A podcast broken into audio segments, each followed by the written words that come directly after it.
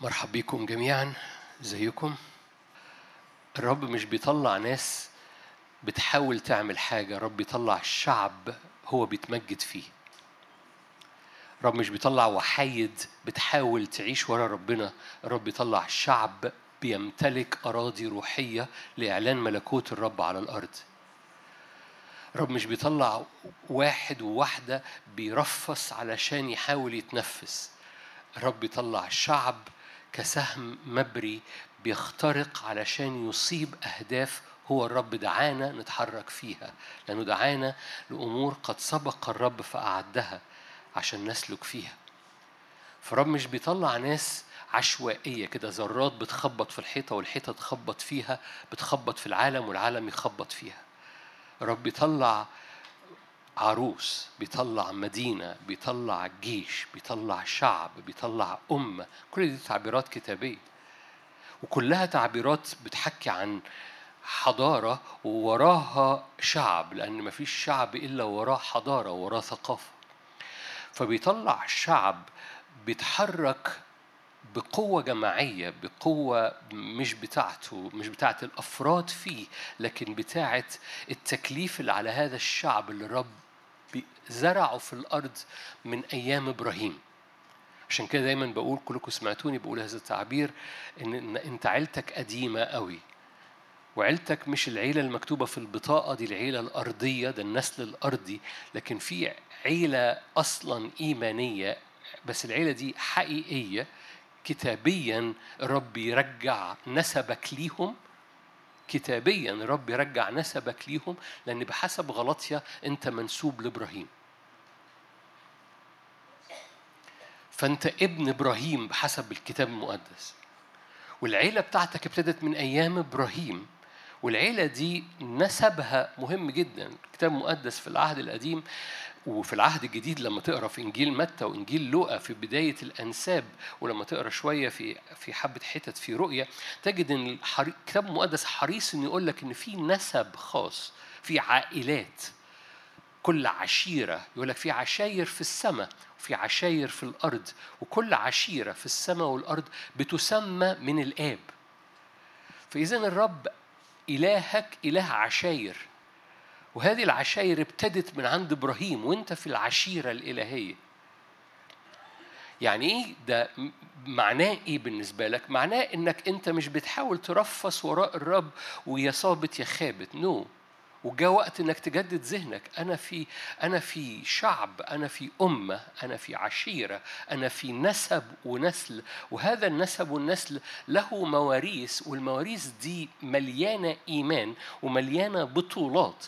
ومليانة ضعفات بس البطولات هو اللي الرب بيذكرها في النسب بتاعي لأن عبرانيين 11 هو النسب بتاعك.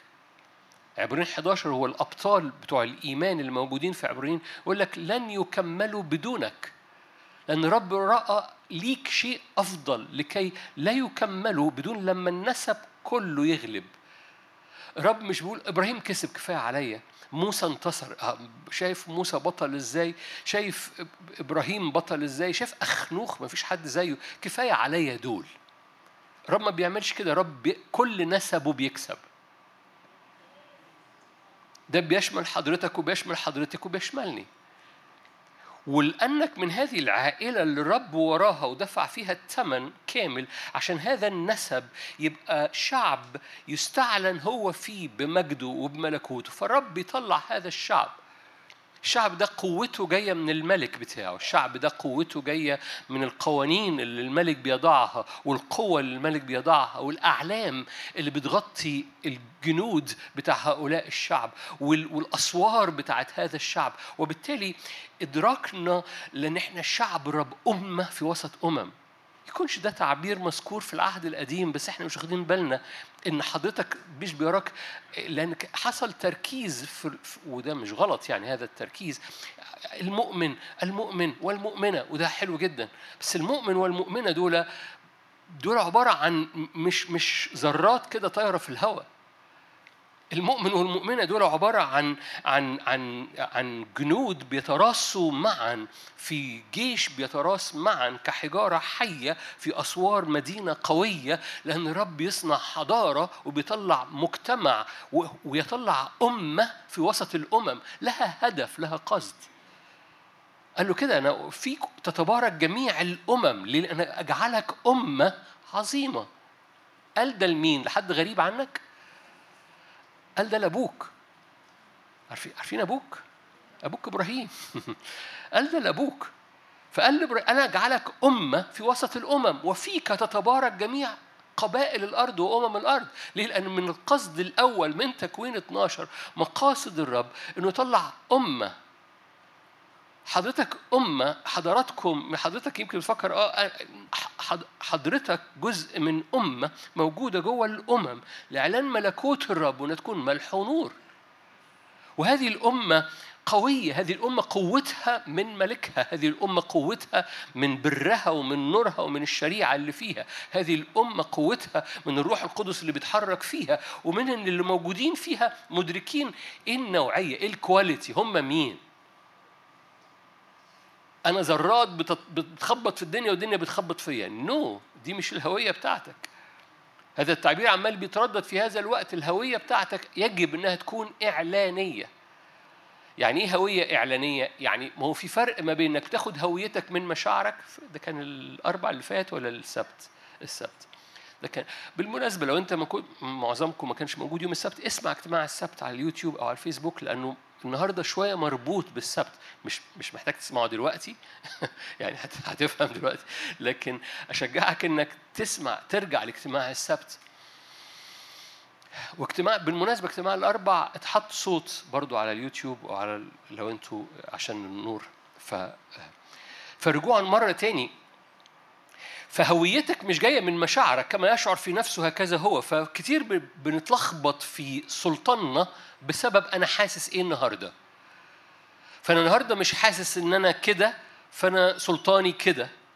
لأن أنا مش حاسس إن أنا كده أنا حاسس إن أنا كده فأنا سلطاني كده. وده أبسط كلمة أقدر أقولها غباء. لأن أنا بعتمد إن هويتي جاية من مشاعري مش هويتي جاية من إعلان الرب أو كلمة الرب على حياتي. وأنا مش عايز أقول كلمة الرب على حياتي علشان مش عايزك تردد جمل ما بتفضلش جواك. إيه الإعلان الإلهي للرب جواك؟ إيه الإعلان الإلهي عن هويتك؟ عن أنت موجود هو ده هو ده هو ده معنى شعب. هو ده معنى انك إنك من عيلة قديمة. هو ده معنى إن أبوك راجع لإبراهيم وموسى جزء من العيلة و و وكل انتصار حصل ويشوع كان جزء من العيلة واخنوخ كان جزء من العيلة ومواريث كل هؤلاء لن يكملوا بدوننا لأن الرب رأى لنا شيء أفضل. معقولة؟ رب رأى لنا شيء أفضل لأن اللي بيجروا في الأزمنة الأخيرة رب هيسكب عنده كل مخازنهم عليهم؟ كل مخازن الرب تنسكب على اللي بيجروا في الأزمنة الأخيرة تقول لي ليش معنى يعني على رأسنا ريشة؟ أقول لك نو لأن المواجهة عظيمة. فلو مش عايز تتشجع يعني وليك نفس الكلمة بايخة اهي المواجهة عظيمة. فالرب هيسكب كل مخازنه وده الجانب الإيجابي في القصة. الرب يسكب كل قوته كل أسلحته على على الجيل اللي بيلف في اللفة الأخيرة في هذا السبق لأن يجب إن اللي بيلفوا في اللفة الأخيرة يكونوا أسرع فريق. تقول ده إحنا أب ده إحنا ده إحنا وده إحنا وده إحنا. أقول لك حلو قوي هويتك بقى جاية من إحنا ولا هويتك جاية من هو بيقول إيه؟ لو هويتك إعلانية بتعيش اللي هو بيقوله لو هويتك مشاعرية بتعيش متذبذب لو هويتك جاية من النهاردة صاحي كنت نايم على جنبك اليمين ولا جنبك الشمال ويومك بيعتمد أنت كنت صاحي على أنهي جنب منهم فكل يوم بختك يا أبو بخيت. لكن لو أنت معتمد على على على على من أنت اللي جاية من صوت الرب اللي بيتردد جوه الهيكل بتاعك جوه قلبك. تقول لي أنت مش عارف ظروفي ده أنا العيال عاملين فيا. وانت في العيال وإنت في الشغل وإنت في الحر وإنت في مش العيال اللي بيحددوا يومك شكله إزاي صوته هو اللي بيحدد وانت شايلة عيالك بتشيليهم إزاي الستات اللي شايلة عيال بصيت لي شزرا فأنا مش هبص عليهم بس ده ينطبق على اللي بش... على اللي في الشغل على اللي بيمر بمواجهات على اللي حاسس إنه في ضيقة ما حدش مر. عمري ما قابلت حد إلا لما بيقول لي أنا الضيقة بتاعتي ما حدش مر بيها. فكل اللي بقابلهم ما حدش مر بالضيقة اللي هم بيمروا بيها. لكن ما فيش ضيقة أنت بتمر بيها إلا والرب سكب نعمة وسكب قوة وسكب كلمة وسكب هوية تطلع جواك المسيح اللي يعبرك ما تمر بيه. وسكب جواك الهوية اللي تخليك وانت شايل ولادك وانت بتمر من دي ولدي ودي ويومك كان مليان مليان مليان مش ملحق من ده لده لده لده إنك وانت بتعمل كل ده هويتك مش بتتغير. فبتعمله بحاجة اسمها حاجة عجيبة جدا اسمها سلطان. عجيبة جدا. السلطان مش جاي إنك قاعد تشرب كوكاكولا على البحر. السلطان السلطان جاي من حاجة صغيرة من هويتك. انت مين وانت بتعمل؟ انت مين وانت بتجري من ده لده انت مين وانت مش ملحق على اللي وراك؟ انت مين وانت بت بتخش من مقابلة لمقابلة لمواجهة لخناقة؟ انت مين وانت بتخش الخناقة؟ لو دخلت الخناقة وانت عبد هتبهدل الدنيا. لو دخلت الخناقة وانت ابن هتعبر في الخناقة يعني أنا مش بلغي الخناقة هتحصل أمين ما تحصلش أمين ما تحصلش بس حتى لو دخلت الخناقة بتخشها بهوية مختلفة عن هوية عن منزعجة فبتطلع انزعاج فبتطلع ثمر بايخ قوي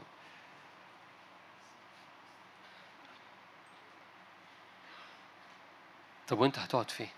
أنا. هو مين اللي كان هنا؟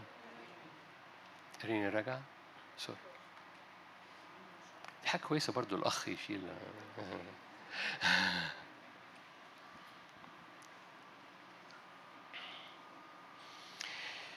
فرجوعا مرة تاني ال ال ال هذا الإدراك برغم بساطته هذا الإدراك مهم جدا. هذا الإدراك بيثبت أرضك وبيثبت رجليك في, في كل ما تمر به من مواجهات. ف... ف... ف... فالناس تبص عليك تقول لك يا ده انت الدنيا كانت صعبة قوي. بس انت جواك آه بس بس عدت بانتصار.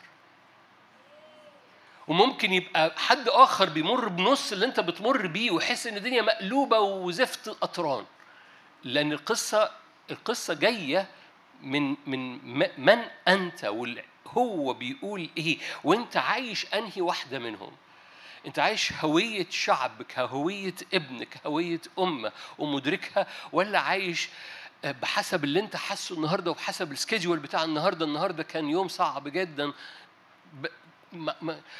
خليني أقول إنه اليوم الصعب وإنت عايش هويتك بتنتصر وتحس إنه كان مثمر. واليوم اللي نص صعب وإنت مش عايش هويتك بيبقى جبل ما بيتنالش فمن فضلك في الزمن ده عيش هويتك وخلي الإعلان بتاع هويتك يبقى أغلى حاجة في حياتك. عايز تحقق أديك أديك سر ما تقولوش لحد. ما تقولوش لحد بس. عايز تحافظ على هويتك ثابتة؟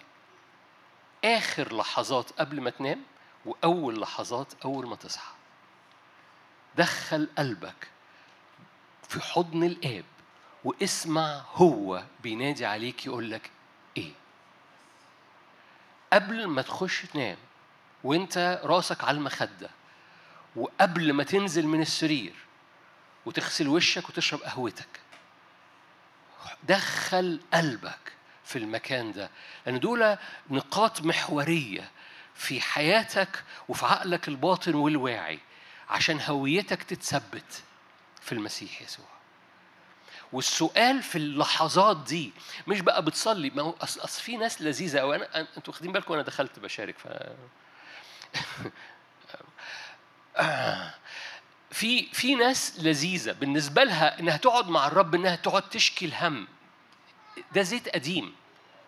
ده زيت اتعمل فيه طعمية من من الثمانينات فبقى مر مرارة ما حصلتش وبيعمل حموضة وارتجاع. فمن فضلك ومن فضلك ما تحولش وقت الصلاة بتاعك إلى هذا النوع. ده زيت قديم جدا جدا. إن صلاتك تبقى عبارة أنت شايف يا رب وان عندنا مش عارف إيه وعندنا حبيبي تقول لي دي طلبات ودي حاجة كتابية وممكن يطلع لي حد يقول لي أنا هدافع عن الطلبات أمين دي طلبات. بس الطلبات ده نوع متأخر في لستة الصلوات أو لستة العلاقة اللي ما بينك وما بين الآب السماوي. فده ده نوع متأخر. ليه طلعناه الأول وبقى هو ده الوحيد؟ لأنه بيزود الشفقة على النفس وبيزود عدم الإيمان. أول حتة في وقت الصلاة ما بينك وبين الرب إنك تحب وتسمع حب واسمع. ما تصليش ما فيش طلبة تخرج من بقك.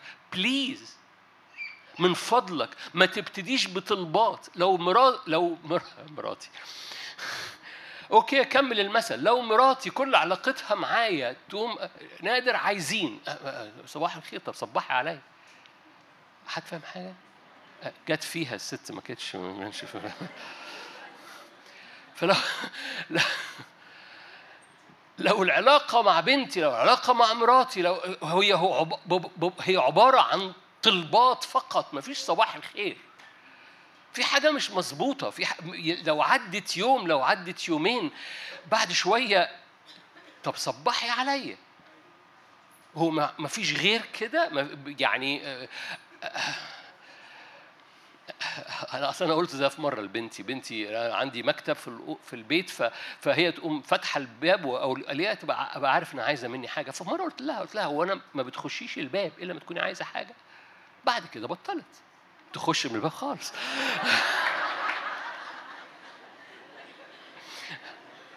أنا بضحك معاكم.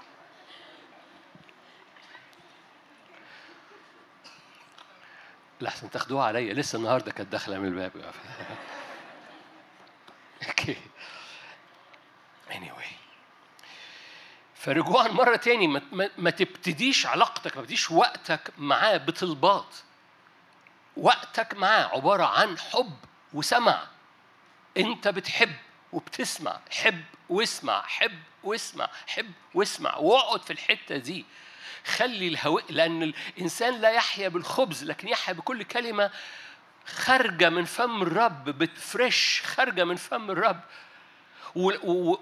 وانكشوا أو انكش نفسك بتشجيع السمع. في بعض أحيان الناس بتبقى هقعد هقعد ساكت كده ما في no okay عايز تنكش نفسك عايز تنكش إيمانك إن عندك ودان روحية تسمع قل له ماذا تريد أن تقول لي؟ تكلم يا رب عبدك سامع. ماذا تريد يا رب أن أفعل؟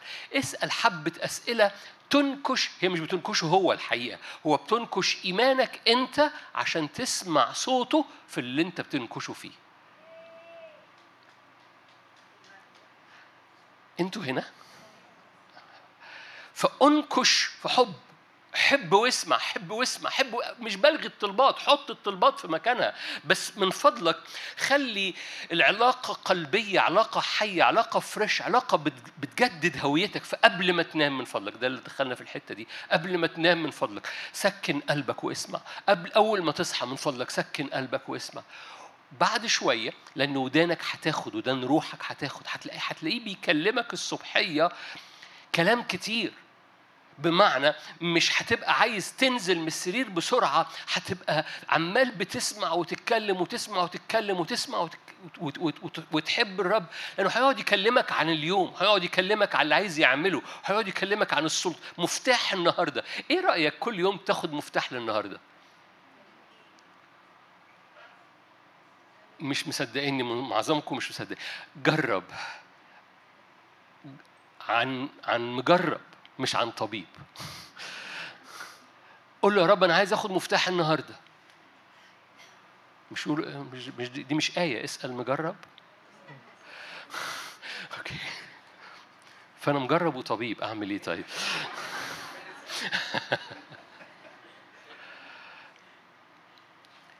قول له قول له قول له اديني مفتاح للنهاردة. قول له دي بأمانة صدقني قول له اديني مفتاح لانتصار النهارده.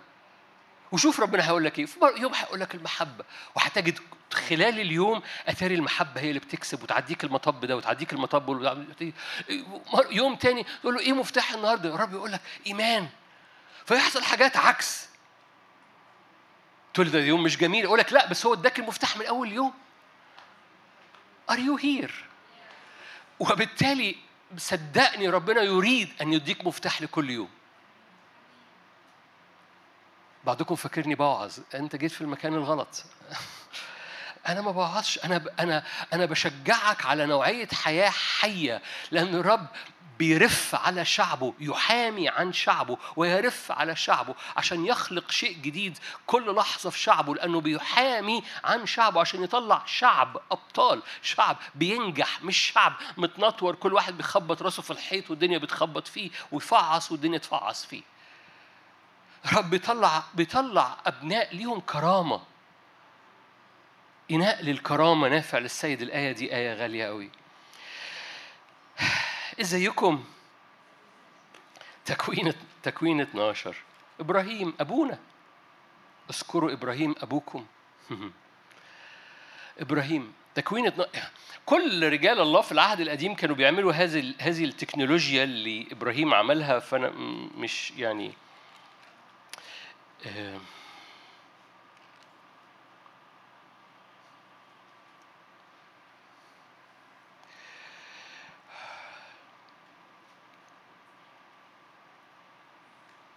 تكوين 12 اجتاز ابرام في الأرض إلى مكان شكيم آية 6 إلى بلوطه مورا وكان كنعانيين. حينئذ في الأرض ظهر الرب لإبرام وقال لنسلك أعطي هذه الأرض فبنى هناك مذبحا للرب الذي ظهر له. فبنى مذبح في شكيم في بلوطة مورا. ثم نقل من هناك إلى الجبل شرقي بيت إيل ونصب خيمته وله بيت إيل من المغرب وعاي من المشرق فبنى هناك مذبحا للرب ودعا باسم الرب. مش هلف معاك في آيات كتيرة كل مكان كان إبرام يقوم مثبت الخيمة فيه كان بيبني مذبح. أنا باخد معنى الجملة دي أنتوا عارفينها. بس أنا هاخد من المعنى ده لأن هذه الجملة متكررة فراح المكان ده وبنى مذبح راح المكان ده وبنى مذبح. وهقول لك جملة أنت عارفها أو يعني عارف إجابتها أسألك سؤال يعني. أنت عارف إجابته لكن روحيا بقى هنطبقه في العهد الجديد. لو رحت بعد لو رحت بلوطة مورة بعد ما إبراهيم مشي مش هتلاقي خيمة إبراهيم بس هتلاقي المذبح.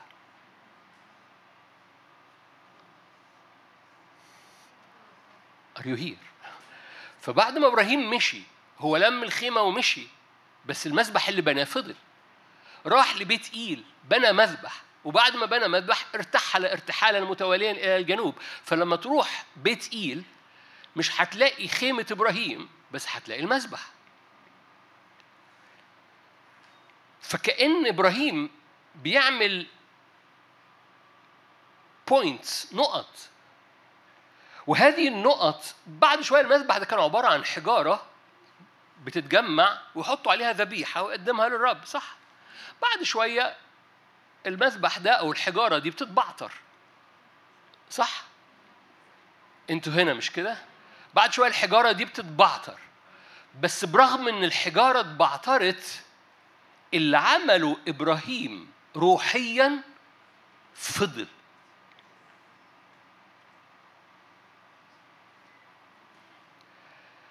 أنتوا عارفين أنا رايح لفين بس بس أنا عشان عشان كده أنا مستني. اللي عمله إبراهيم في بلوطة مورا لو مريت معاك في تاريخ بلوطة مورا تجد إن المذبح اللي بناه إبراهيم برغم إن الحجارة اتبعترت لكن روحيا البوابة اللي اتفتحت فضلت مفتوحة. أوكي مش محتاج أقول لك في في في آية ثمانية نصب خيمته وله بيت إيل من المغرب بنى هناك مذبحا للرب ودعا باسم الرب. إذا بيت إيل في, في الوقت ده كان في مدينة اسمها بيت إيل؟ ما كانش في مدينة. ما كانش خليني أقول لك بقى ما كانش في حاجة اسمها بيت إيل. ده في حتة خلاء. أم الرب قال له اعمل خيمتك هنا. فعمل خيمته هنا وكعادة إبراهيم أم جمع حجارة وبنى مذبح وقدم ذبيحة في المنطقة دي. المنطقة دي ما كانش اسمها بيت إيل تقول لي جبت من فين اللي ما كانش اسمها بيت إيل لأن اتسمت بيت إيل في تكوين 28 إحنا في تكوين كام؟ 12 تعال معايا لتكوين 28 عارفين تكوين 28 يعقوب هربان من بيت أبوه. خرج يعقوب من بئر سبع وذهب نحو حران. آية عشرة؟ صادف مكان. خلي بالك صادف إيه؟ الآية اللي وراها 11 صادف إيه؟ مكان. مكان. يعني لا مدينة ولا تشيل اوت صادف مكان. صادف مكان مكان ما فيهوش معالم يعني لو في معالم هيقول إيه المعالم؟ صادف مكان وبات هناك لأن الشمس كانت قد غابت أخذ من حجارة المكان. دي حجارة كانت متبعترة في المكان المكان ده لا مش متسمى. أخذ من حجارة المكان وضعه تحت رأسه فاضطجع في ذلك المكان. عارفين اللي حصل مش كده؟ شاف السماء مفتوحة شاف سلم منصوبة شاف الملائكة صاعدة ونازلة وقال ما هذا إلا بيت الرب؟ آية 17 خاف وقال ما أرهب هذا المكان؟ ما هذا إلا بيت الله هذا باب السماء بكر يعقوب في الصباح وأخذ الحجر الذي وضعه تحت رأسه وأقامه عمودا وصب زيت على رأسه ودعا اسم ذلك المكان بيت إيل لأن المنطقة دي قبل كده كان اسمها لوز ما كانش فيها مدينة بس المنطقة دي كان اسمها لوز. فهذا المكان اللي في تكوين 12 إبراهيم بيقول لك أنا بنى مسبح عند بيت إيل. ما كانش أصلا في بيت إيل ده مك... ده كان خلا بس هو حط خيمة وبنى مذبح وقدم ذبيحة في المكان ده. بعد شوية الخيمة اتنقلت. طب والمذبح أخباره إيه؟ اتبعتر بأحجاره في المكان. بس الحاجة الروحية اللي فتحها إبراهيم فضلت موجودة في المكان. فلما يعقوب بعد سنين طويلة حط راسه على حجر من حجارة المكان التقليد اليهودي يقول لك إن الحجارة دي كانت الحجارة اللي بنى بيها جده مذبح للرب. فلما حط راسه على حجارة جاية من إبراهيم بس هذه الحجارة اتفتحت عليها السماء بخلال ذبيحة قدمها إبراهيم يعقوب حط نفسه تحت السماء المفتوحة.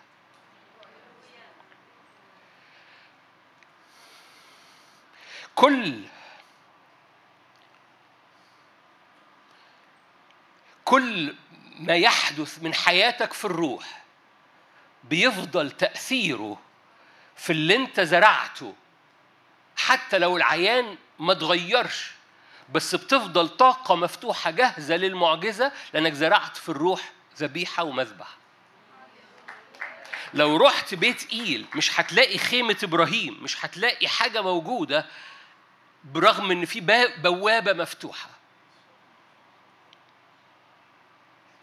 هديكم مثل تاني عشان بس تستوعبوا القصة. المثل التاني برضو أنتوا عارفينه في تكوين 22 هرجع مرة تاني تكوين 22 تكوين 22 أنا أنا عايز أود... يعني ده أغلى حاجة في مشاركة النهارده وهقول لك يعني إيه مذبح يعني إيه تبني مذبح.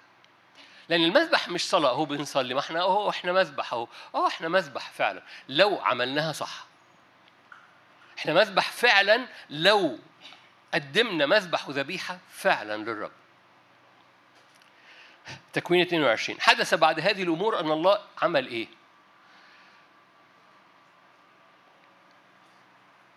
ردوا عليه امتحن إبراهيم. okay. قال له إبراهيم قال ها أنا ذا قال خذ ابنك وحيدك الذي تحبه واذهب إلى أرض المريا وأصعده هناك محرقة على أحد الجبال الذين. الذي أقول لك. مش حكي باقي القصة كلكم عارفين القصة. فبكر إبراهيم صباحا واخذ معاه إسحاق. ورب قال له يقدم الذبيحة فين؟ ويقدم إيه؟ خلي بالك. فبيقدم ذبيحة في المكان وبيقدم إيه في المكان؟ الرب قال له.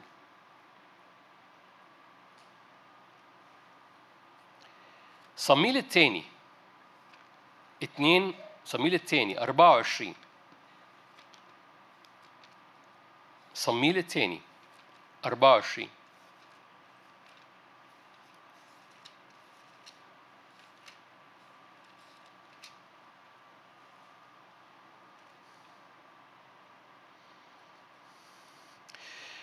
صميل أنا قلت صميل تاني مش كده؟ أخبار الأيام.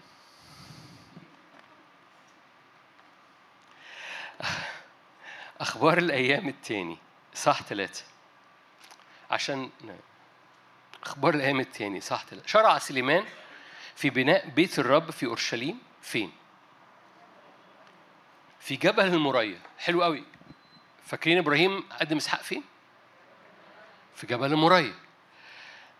فإبراهيم جمع حجارة وربط ابنه وهيقدمه للرب.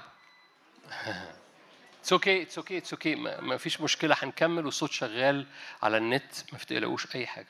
والميكروفون شغال فما تقلقوش أنتوا سامعيني. كل حاجة بتحصل في الخفاء. فالصوت هيفضل شغال واللي, سم... واللي على النت سامعين برضو وإحنا موجودين. حد عنده مشكلة؟ هللويا. أنا الوحيد اللي عندي مشكلة إن أنا بعرق قدامكم لكن مفيش مشكلة. فبيس فإبراهيم جمع جمع الحجارة وقدم المذبح عمل المذبح وحط عليه ابنه. ده فين؟ في المكان في ال location. زي بيت إيل. تذكر قصة بيت إيل؟ وإن الطاقة اتفتحت فوق هذا المكان. فإبراهيم أخذ إسحاق وفتح طاقة في هذا المكان. فتح طاقة في هذا المكان. لو رحت المكان ده بعد إبراهيم بسنين مش هتلاقي ولا حاجة في العيان. لكن في حاجة شغالة في الخفاء لدرجة إنه لما وهنا دي القصة اللي بيذكرها طبعا أنتم مش شايفينها دلوقتي إن في جبل المريا هو المكان اللي فيه داوود قدم ذبيحة في بيدر أرنان اليابوسي علشان الوباء يقف. ففي المكان ده داوود قام شاف السماء مفتوحة وشاف الملاك واقف ومعاه سيف في زمن الوباء فقام مشتري بيدر أرنان اليابوسي ده كان في جبل المريا. فأتاري اللي فتحه إبراهيم وهو بيقدم إسحاق فضل مفتوح برغم إن المذبح ما بقاش موجود الحجارة. المذبح الروحي فضل موجود. وفضل الطاقة مفتوحة. فقام داوود اشترى بيدر أرنان اليابوسي وقام قدم ذبيحة للرب فامتنع الوباء. فجاء بعد سنين سليمان الابن وقام بنى بيت الرب وهيكل الرب في المكان اللي قدم فيه داوود أبوه. الذبيحة في المكان اللي قدم فيه إبراهيم. الذبيحة. من القصتين دول بناخد معنى صغير وبسيط. إيه المعنى الصغير والبسيط؟ إن كل ذبيحة على مذبح بتتقدم صح بحسب كلمة الرب وهنحكي مع بعض يعني إيه ذبيحة ومذبح بتتقدم صح. لما بتقدم ذبيحة على مذبح صح تأثير هذه الذبيحة وهذا المذبح بيفضل مستمر بيفضل مستمر حتى لو العيان منظره ما حصلش حاجة محيطة. لو رحت لإبراهيم وتقول له يا إبراهيم إيه أخبار جبل المرايا اللي أنت قدمت فيه؟ يقول له عندي ذكريات ولقيت الخروف وقدمت الخروف بدل ابني و... طب وإيه أخبار الجبل؟ آه، جبل. إيه أخبار المذبح اللي أنت بنيته؟ آه ما أعرفش حصل إيه الحجاره يمكن اتردمت. فلو طلعت جبل المريا بعد إبراهيم يمكن ما تلاقيش حاجة.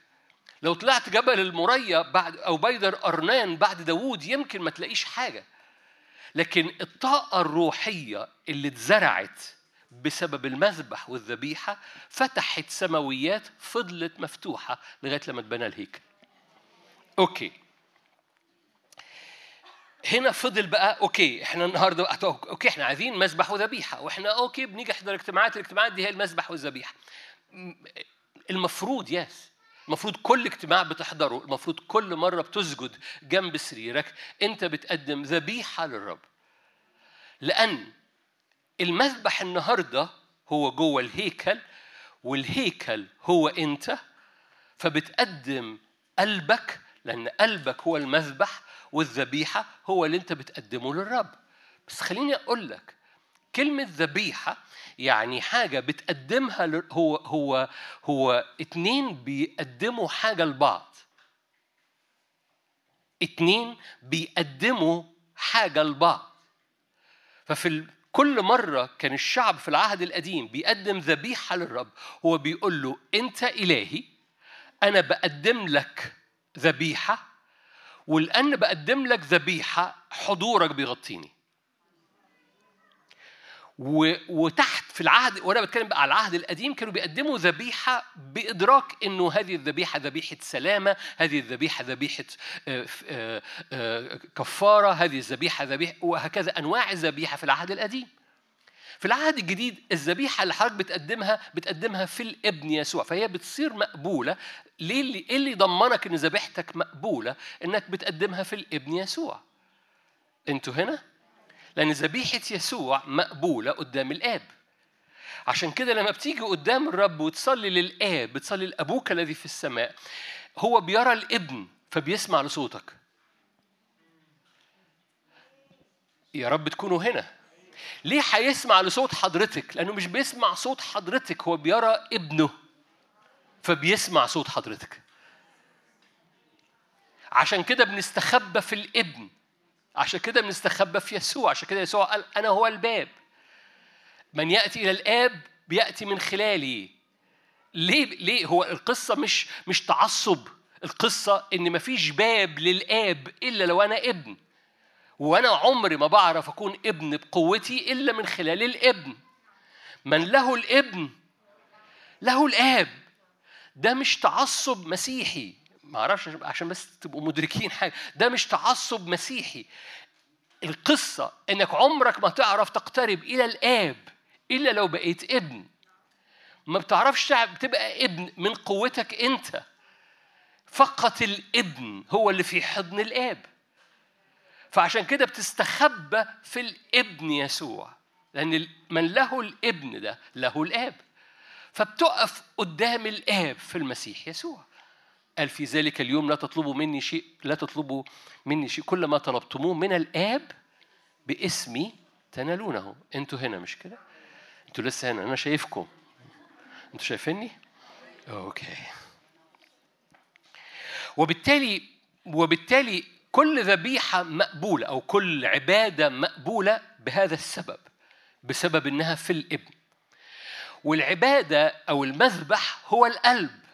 ولأن قلبك بيتقدم لأن القصة تقول لي لأ آه، في طوائف عندها مبنى وعندها مذبح. أقول لك رائع حلو جدا رائع. بس خلي بالك المذبح لو ما فيش قلب ورا المذبح المذبح ملوش قيمة. حتى هذه الطوائف بتقول كده فما ما ما مش بهاجم حد. فالقصة هو القلب اللي ورا المذبح. فالمذبح الحقيقي هو قلبك اللي بيسجد قدام الرب. فلو شكلك حلو قدام أفضل شكل حلو لكن قلبك مش هنا قال يا ابني اعطني إيه؟ ما قالش أعطيني دماغك ما قالش أعطيني قال أعطيني قلبك. ليه؟ لأن القلب هو المذبح. أنتوا هنا مش كده؟ أوكي. على المذبح ده بتتحط ذبيحة. إيه الذبيحة دي؟ تقدمة بقدمها للرب. تقول لي آه يسوع اتقدم عني فخلاص. إحنا إنجيليين مفيش تقدمة. حبيبي ما ما ما تزحلقش الدنيا. بمعنى إيه؟ بمعنى إن كل مرة بتيجي قدام الرب في اتفاق بيحصل ما بينك وبين الرب. هذا الاتفاق بيؤدي إلى حضور كثيف من الرب على حياتك لو أنت قدمت تقدمة للرب وأنا عشان ذهنك ما يشطش مش بتكلم على فلوس أنا بتكلم على مساحة جديدة بتديها للرب باتفاق وراء ما بينك وما بين الرب حصل صمت في القاعة وده كويس قوي مساحة جديدة بتديها للرب اتفاق جديد بتديه ما بينك وبين الرب مساحة جديدة. أنت بتقدم حاجة فالرب يقدم نفسه. هي. ومرة تاني مش بتكلم على فلوس. يعني يعني لو هو ده اللي الرب بيشاور عليه أوكي بس بس مش ده اللي جوايا. أنا بتكلم على على على وقت بتكلم على طريقة تفكير بتكلم على على علاقات بتكلم على أمور بتقدمها للرب ليه؟ لأن الذبيحة المكلفة أو فاكرين ده قال له إسحاق كم الحضور الإلهي في هيكل سليمان كان قد إيه؟ لا أنا ده سؤال كان كثيف جدا الكهنة لما يستطيعوا أن يقفوا ده مربوط كان بإيه؟ إن الذبائح اللي قدمها سليمان كانت كثيفة جدا. قدم ألف طور عمرك شفت إزاي واحد بيذبح ألف طور في يوم؟ فكر في اتفرج عليه فيديو. صعب قوي ده ده قد لا لو فتحنا الآيات أنا مش هقدر أفتح الآيات ولا أنا شايف ولا أنتوا شايفين. لو فتحنا الآيات ده مش قدم ألف طور ده قدم ألف طور وغنم مش عارف إيه وإيه وإيه وإيه وإيه غير إيه وإيه وإيه وإيه وإيه فلما هذه التقدمة كانت مهولة مجد الرب كان مهول. تقول لي ربنا كده بيتعامل يعني تديني أديك؟ نو no. لأن كل حاجة بتقدمها للرب. أنت أنت بتدي إكرام لهذا السيد بتعلنه أنت إلهي أنت ملكي أنت لك كل الأشياء. كنت بقرأ آيات النهارده ملهاش علاقة بالموضوع بس في كورنثوس الأولى هو بيحكي عن الأكل وكل ما تأكلون وكل ما كل ما يقدم لكم قدموه بس قدموه للرب وأنتم بتاكلوا ما تخليش ضميرك يتعبك. فقال كل ما تفعلونه إن كان أكل أو شرب أو أي شيء ليكن لمجد الله. يعني كل حاجة بتعملها مش مش مش مش أنا أنا جاي الاجتماع دلوقتي فده ده الاجتماع. وبعد كده بروح البيت ده حاجة نو حبيبي وأنت وأنت بتتعشى النهارده بالليل اعملوا المجد الرب. وانت قاعدين في البيت بالسفرة بتا... بتا... بالليل النهارده بتاكلوا جبنة وبتتعشوا مع بعض وتقول الاجتماع كان حر النهارده عشان النور اتقطع ماشي؟ وانتوا بت... اعملوا ده لمجد الرب. هسألك سؤال ومحدش شايف التاني. انت بتصلي قبل ما تاكل؟ محدش شاف التاني. لو تحب تحب تحب. بص والقصة مش تدين. ياما ناس بتعملها تدين. آه خلونا نصلي. واللي زهقانين في العيلة. أيوه هنصلي قبل ما ناكل. ما أعرفش قاعدين في العائلات دي ولا لأ. لأ. عائلات ملايكة كلها. أنا مش بتكلم على المنظر التديني. أنا بتكلم على وأنت قاعد في العربية وخدت سندوتش من محل الفول عربية الفول اللي على نص الشارع عندكم. فأنا مش بتكلم على منظر قدام الناس. وسندوتش الفول وأنت بتاكله في العربية أول لأن كل ما تعمله تعمله لمجد الرب. فالسندوتش الفول ده بيتقدس. وأنت بتقدم هذا السندوتش للرب. ده نوع من أنواع الحياة إن كل حاجة في حياتي أنا بقدمها ليه الأول. ده بيحول ده, ده بيحرك رجليا في نوعية حياة اسمها مسبح وذبيحة. يعني سندوتش الفول ده هتاكله؟ هتاكله. مش هاكله منك ربنا ما تقلقش. بس قدمه له قبل ما تقطمه. يا رب تنور. مش القاع. ويا رب تنور برضه بس هي هتنور. بس أنتوا أنتوا أنتوا فاهمين عايز أقول إيه؟ لو لو الانطباع اللي جواك إن كل ما تعمله من أكل أو شرب أو أي شيء اقرأ الايه دي ورايا في كورنثوس. كل ما تفعله من أكل أو شرب أو من أي شيء اعمله لمجد الرب. فبتقدم كل حاجة بتقدم شغل بتقدم علاقة بتقدم مقابلة بتقدم سندويتش الفول. ومش بت... ما هو ما هو بالمناسبة إبراهيم رجع بإسحاق. هو قدم اسحاق بس رجع بإسحاق. بس ما رجعش بإسحاق بس ده رجع بإسحاق ورجع بترقية في العهد وترقية في الحضور وترقية في البركة غير عادية. بعد كده بعد كده كان مشوار ما فيهوش محطات. مشوار شغال شغال شغال شغال شغال. ليه؟ لأنك أنت لأنك أنت في الحتة دي عملت كونتراتو معايا. أنت اديتني إسحاق. ولأنك اديتني إسحاق بص يا ابن الحلال أنا هنا. ده الرب اللي بيقول له. أنا هنا. أنت اديتني إسحاق. أنا هنا. أنت أنت أنت اديتني أنت كل حاجة بتعملها حتى أغلى حاجة بتعملها حطيتني اديتها لي الأول. فارجع بقى مش إسحاق. ده حاجة غالية. وهرجع لأبسط مثل اللي هياخد روحك على نوعية على نمط الحياة دي. سندوتش الفول اللي في العربية. قبل ما تقطمه قبل ما تاكله. قدمه للرب. فهتلاقي نفسك في البيت بتقدم اللي أنت بتعمله للرب. بتقدم اليوم للرب. كل حاجة بتقدمها. أنا لسه ما دخلتش في, في, في تكنولوجيا الذبيحة للآخر. حالا هوصل لك بس كل حاجة بتعملها قدمها للرب الأول. ولما تقدمها للرب من قلب صادق في حاجة بتحصل في حاجة بتتقدس في اللي أنت بتقدمه. كنت هفتح معاكم آيات إن الطعام بيقدس بالصلاة. وأنا باخد مثل بسيط جدا. يعني إيه؟ يعني لو سندوتش الفول ده مليان سالمونيلا شكرا. بس انت قدمته للرب. صدقني كل سالمونيلا فيه مش هتبقى ليها تأثير على حياتك. إن شربوا شيئا مميتا لا يضرهم. ليه؟ لأنك قدمته للرب الأول. مش معنى كده إنك تشتري من الراجل ده تاني بس. مش معنى إنك تجرب الرب. لكن أنتوا فاهمين قصدي؟ لأن كل حاجة بتقدمها للرب تقدس. كل حاجة بتقدمها للرب بتقدس. أنتوا هنا. كل حاجة بتقدمها للرب بتقدس. فلو انت محتاج كل ما تلمسه يصير مقدس ادي التكنولوجيا. عشان كده كل حتة كانوا بيروحوها كانوا بيبنوا مذبح والمذبح ده بيفتح طاقة حتى بعد سنين الطاقة دي بتفضل مفتوحة. يعقوب وهو بيتمشى وهو مش دريان في مكان لقى حبة حجارة مش دريان بس أتاري في سماء مفتوحة في هذا المكان وحط راسه على هذه الحجارة. أتاري دي حجارة مذبح بناه جده. ياما إحنا بنحط راسنا تحت سماويات فتحوها لينا آباء سابقين. وياما أحفادنا هيحطوا راسهم تحت سماويات حضرتك وحضرتك فتحتيها. عشان كده دايما العهد لك ولنسلك ونسل نسلك. طب يعني أعمل إيه بقى عشان آه يعني أورثهم بقى أسيب لهم حبة فلوس في البنك؟ نو no. اللي انت بتفتحه النهارده واللي انت بتفتحه في حياتك واللي انت بتفتحه في اوضتك واللي انت بتفتحه في قلبك بيفتح هذه الطاقة وبتستمر هذه الطاقة مفتوحة لك ولنسلك ولنسل نسلك روحي أو جسدي. روحي أو جسدي. حتى نسلك الجسدي الروحي بيتفتح تحت العبادة اللي انت بتفتحها.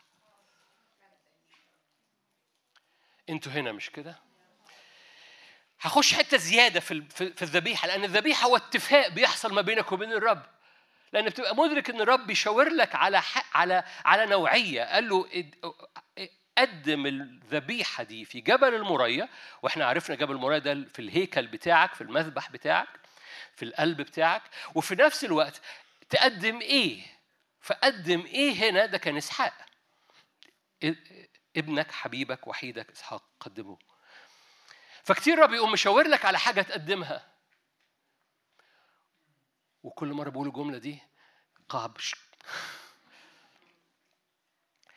رب لما بيشاور لك على حاجة بتقدمها هو بياخد مساحة يملاها بالمجد زيادة وطبيعته زيادة فيك.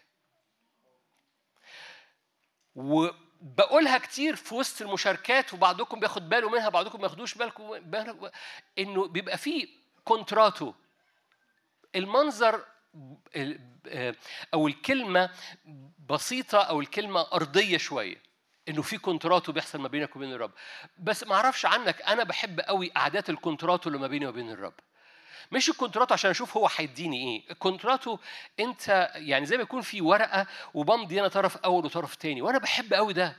بحب أمضي الورقة دي لأنه لأنه أنا بقول أنا ملتزم بكذا ولأن أنا بمضي في الطرف الأول. دايما الطرف الثاني بيمضي. إيه تحب تملى ورقة وأنت مدرك إنك لو أنت مضيتها الرب هيمضي جنبك. معظمكم مدرك إنه كمين فما قلتوش أمين. معظمكم مدرك إنه كمين. فما قلتوش أمين. مظبوط الجملة. تصور إنك بتملى ورقة وانت بتمضي طرف اول وانت مدرك ان الرب هيمضي طرف تاني. وانك مدرك ان الرب بيمضي طرف تاني وهو ملتزم بالبنود اللي عليه. ملتزم جدا لأن هو دفع ثمن كل البنود اللي انت بتمضي عليها واللي انت لسه مش هتمضي عليها. هو قدم ابنه لأجلك وهي بالنعمة مش لأنك مضيت كونتراتو معاه. بس القصة إن مجده وحضوره وسلطانه وسيادته وطبيعتك بترجع لورا وطبيعته بتطلع لقدام وهويتك اللي ما بتجيبش ثمر بترجع لورا وهويتك اللي بتأتي بثمر يا إبراهيم لأن إبراهيم عمره ما بيعرف يخلف بس إبراهيم بيعرف يخلف. فإبراهيم بيرجع لورا وإبراهيم بيطلع لقدام. فيعقوب بيرجع لورا وإسرائيل بيطلع لقدام. فشاول بيرجع لورا وبولس بيطلع لقدام لأن بيحصل كونترات لمدة ثلاث أيام ما بين شاول والرب عشان يخرج شاول بعد ثلاثة أيام يبقى بولس الرسول. هو بولس كان بيعمل إيه في العربة؟ كان بيعمل كونتراتو ما بينه وبين الرب. هو إيه اللي بيحصل؟ هو بيحصل بيقدم. تقول لي بي... قول لي قول لي بقى بالظبط إيه؟ هو الرب بيشاور لك. يمكن يقول لك قدم لي اليوتيوب. أنا متأكد ما فيش حد هنا الرب ما كلموش في يوم من الأيام على اليوتيوب. إلا لو في سيدات هنا ما تتفرجش على يوتيوب أو إنستجرام. أنا متأكد. ليه؟ لأن ده ده آه، أنا عارف صمتكم دليل الموافقة. لأنه لأنه أحد الحاجات اللي رب هو رب رب عايز مني اليوتيوب يا طب أنا طب أنا هتسلى في إيه؟ جاوب انت. جاوب انت. آه الإنستجرام ما أنا عارف. هو بحسب السن حضرتك. شعره أبيض آه، يوتيوب شعره أسود شعره مسبسب إنستجرام تيك توك حسب السن. أنا بدي مثل أنا بدي مثل أنا بدي مثل. أنا بدي مثل عشان تدرك وأنا مش بقول يوتيوب غلط. حد سمعني بقول يوتيوب غلط؟ okay اليوتيوب مش غلط. أنا بتفرج على اليوتيوب بس بتفرج على إيه في اليوتيوب؟ ده مهم. وبتفرج إمتى؟ وبتفرج قد إيه؟ حتى لو بتفرج على حاجات روحية ما بتفرجش غير على مشاركات ومش عارف إيه. لكن حتى لو بتفرج على مشاركات روحية قد إيه؟ ما أنا ممكن أقعد ثلاث ساعات سرحان من فيديو لفيديو لفيديو لفيديو. ربنا كان عايز يقعد معايا. مش عايز أتفرج على فلان وفلان وفلان وفلان وفلان.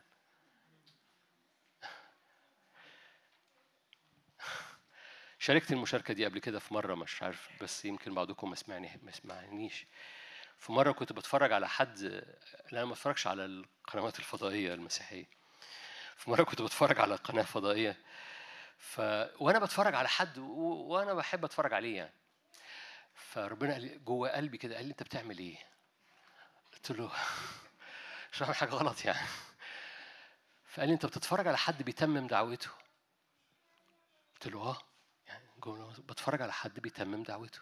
قال لي قوم تمم دعوتك.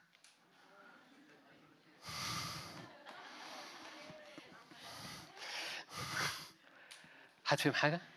أنا مش شايفكم ف شايف ولا مبتسمين ولا أنا شايف وشوش فكتير مش بقول لك ما تتفرجش على يوتيوب مش بقول لك ما تقضيش وقت تتفرج على القناة فضائية. لكن لو لو بتتفرج على على على مشاركة دي على قناة فضائية ماشي.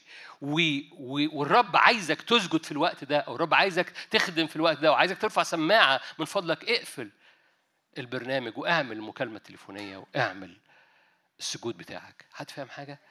لما بتقدم الذبيحة للرب ده كونتراتو. ده الرب يقول آه بنتي بنتي قامت مضت طرف أول. أنت الأول يا رب. أنا بحب قوي أتفرج على مش عارف إيه بحب أعمل إيه أنا متشبثة بالموضوع ده أنا أنا أنا وقتي مع أصحابي في مش عارف إيه هو أهم حاجة في القصة دي. آه بس أنا بقدمه. أنت نمرة واحد فبمضي طرف أول أنت نمرة واحد رب يمضي طرف تاني أنا نمرة واحد. بس هو اللي بيمضي أنا نمرة واحد ده إيه؟ أنا نمرة واحد ليك. أنا نمرة واحد حقف قدامك.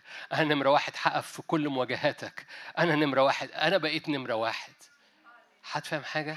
وكل كونتراته بتمضيه مع الرب بتستقبل مور من مجده من حضوره من تواجده من مسحته من سوره ومن حمايته على حياتك بطريقة مختلفة زي ما حصل مع إبراهيم.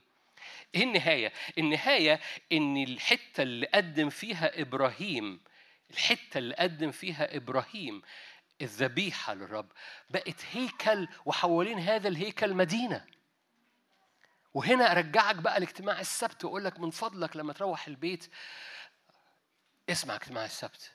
لأن حوالين كل هيكل مدينة ال ال ال الكونتراتو اللي بناه إبراهيم مع الرب في جبل المريا تحول إلى هيكل اسمه هيكل سليمان. وهذا الهيكل اتبنى فوق جبل وهذا الجبل بعد كده بقى مدينة مدينة الرب العلي. لما تقرأ في مزمور اللي إحنا مش شايفينه دلوقتي ده. مزمور 87 يقول لك كده مدينة الرب العلي مدينة يهوى العلي. ليه؟ دي حوالين هذا الهيكل. لأن هذا الهيكل تحو... يعني القصة اتبنت بواحد عمل كونتراته مع الرب في الصحراء. تحولت إلى هيكل ذهب وحواليه مدينة والهيكل الذهب وحواليه المدينة دي أتاري صورة لهيكل ذهب وحواليه مدينة روحية نازلة من السماء. وأتاري الهيكل الذهب ده بيبقى حضرتك في العهد الجديد. خليني أذكرك بالهيكل. الهيكل كان فيه مذبحين فاكرين؟ كان في مذبح نحاس في الساحة الخارجية ومذبح ذهب جوه مذبح بخور على باب قدس الأقداس. فلو بتقدم مذبح وذبيحة النهارده في مذبحين اوريدي موجودين جواك. في مذبح اسمه مذبح النحاس ده أول ما تخش من المساحة الخارجية المذبح ده إيه؟ مذبح ده اللي كان بيقدموا فيه الذبيحة المحرقة وذبيحة الخطية. ببساطة هو الدم والحياة. هو المذبح لما بتقدم بتقدم حياتك كلها وبتعمل عهد وتكريس للرب. كل تقد... كل تقدمة فيها حياة وفيها تكريس للرب هو مذبح أنت بتقدمه. بس خلي بالك ده مذبح في الساحة الخارجية. يعني ده ده المفروض بتقدمه طول الوقت. كل مرة بتخش قدام الرب ما تخشش إيدك فاضية.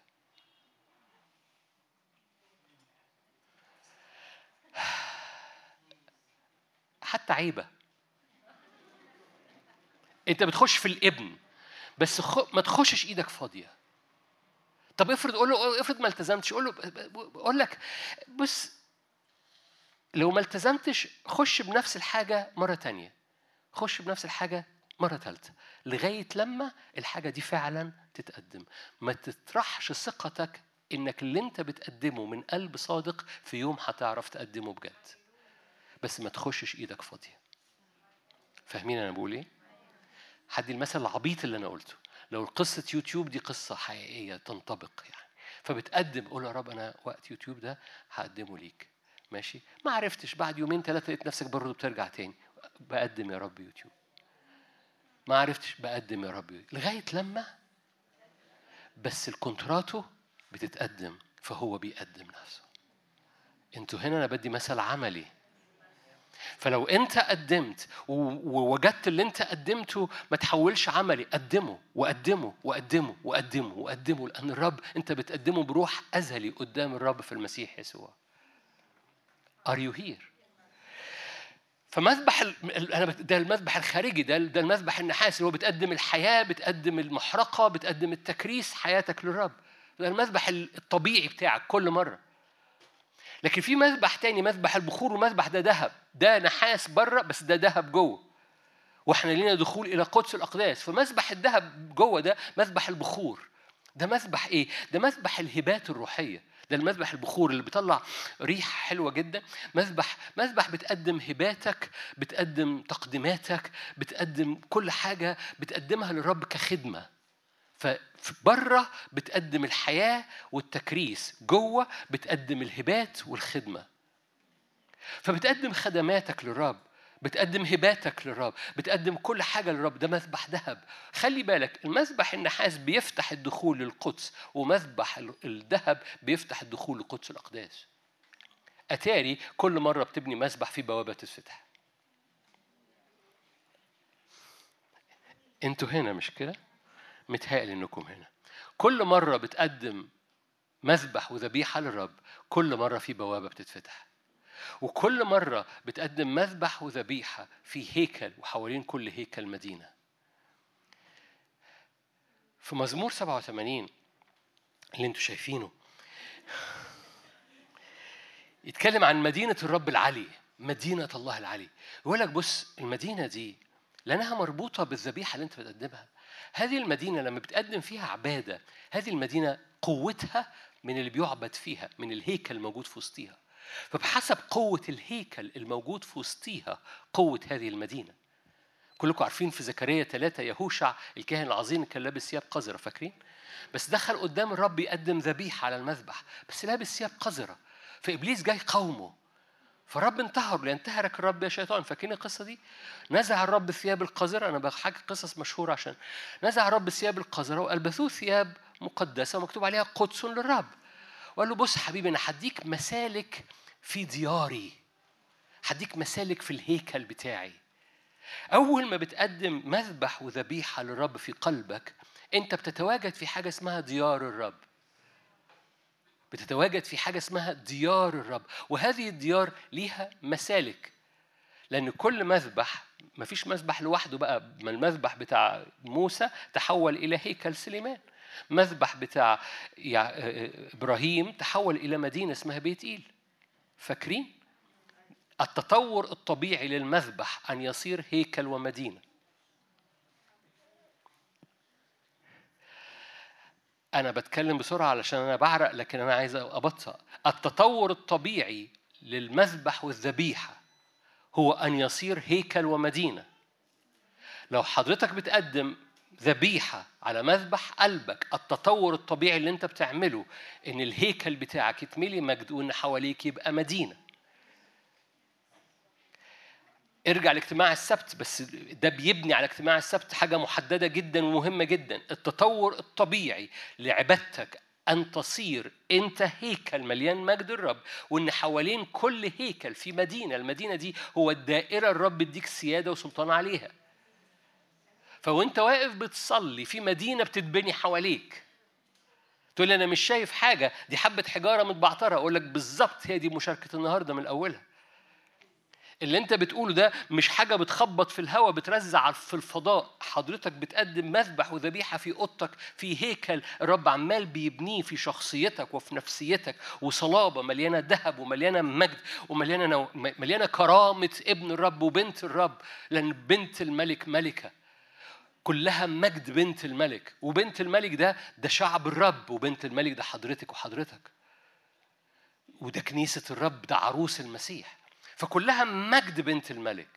فرب يقوم مالي الهيكل بتاعك وبتاعك بمجده وحوالين كل هيكل في مدينة التطور الطبيعي للمذبح والذبيحة إن بتعمل حواليهم هيكل وحوالين كل هيكل في مدينة.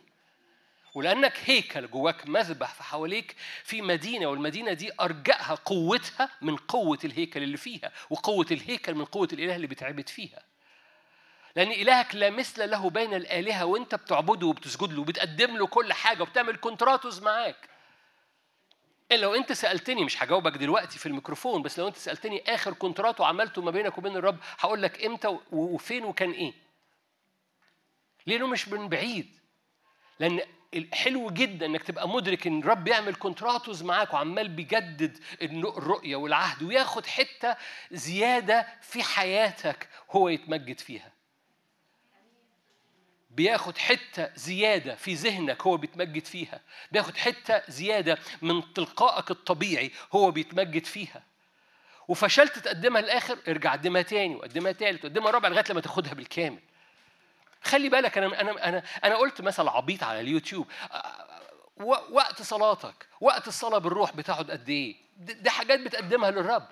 كل دي حاجات أنت بتقدمها للرب. وكل ما بتقدم للرب مساحة أكتر أنت بتديله مساحة أكتر يملك فيها ويقول أنا هو الأول. أنا بقول له أنت الأول فالرب يقف قدام كل أعدائي ويقول لهم أنا الأول. بقول له أنت الأول فالرب يقف قدام كل مواجهاتي قدام كل أمراض وكل مواجهات وكل خدمة وكل أبواب وكل اجتماعات والرب يقول أنا الأول. أنا بطلع نادر شوقي يقول أنا الأول وضيف في شنك. كل ما بديله مساحة هو بياخد المساحة. وكل ما هو بياخد المساحة أنا برتاح. لأن أحيا لا أنا. Are you here؟ هنا الكونتراتو. هنا بتمضي طرف أول وتبقى مبسوط جدا إنه بيمضي طرف تاني. لأن المسؤولية بتتنقل من الطرف الأول للطرف الثاني مجرد الطرف الثاني بيدي مساحة زيادة للطرف الطرف الأول بيدي مساحة زيادة للطرف الثاني أنتوا هنا مش كده؟ أنا مش شايفكم بس أنا بالإيمان بتكلم. وكل ما بتدي مساحة للطرف الثاني أنت بترتاح زيادة لأن المسؤوليات بتتنقل منك ليه؟ المسؤوليات عمالة بتتنقل منك ليه؟ سلام؟ سلام يقول الرب.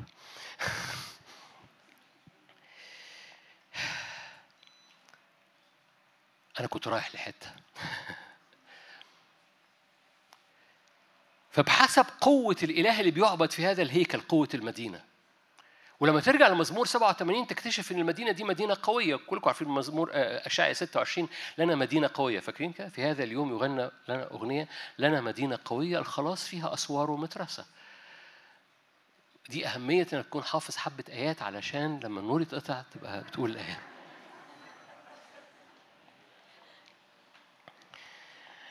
ففي مزمور 87 يقول لك إيه؟ إن هذه المدينة مدينة قوية لها أبراج ولها قصور. القصة كلها يعني إيه أبراج ولها قصور؟ إن القصة إن الأبراج والقصور دي هو قوة هذه المدينة لأن المدينة دي التك... ال... ال... ال...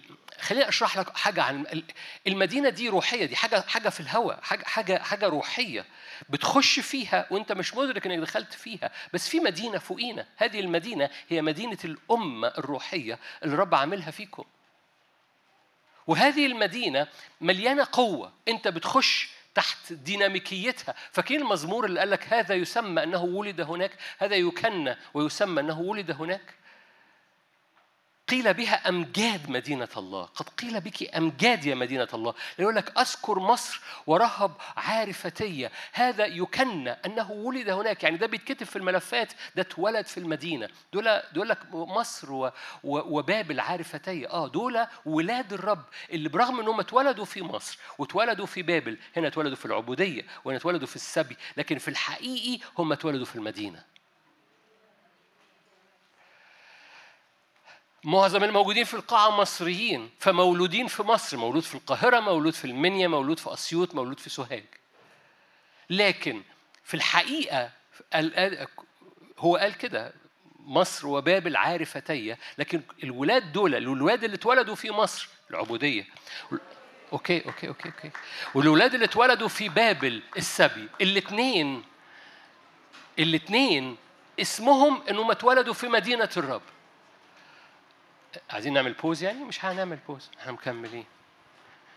طلعوا الآية.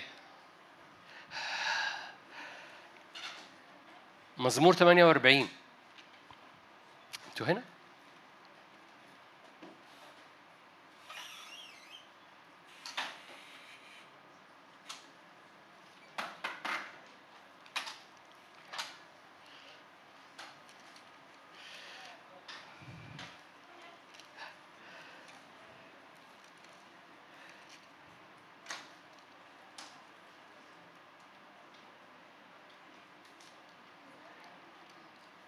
Are you okay?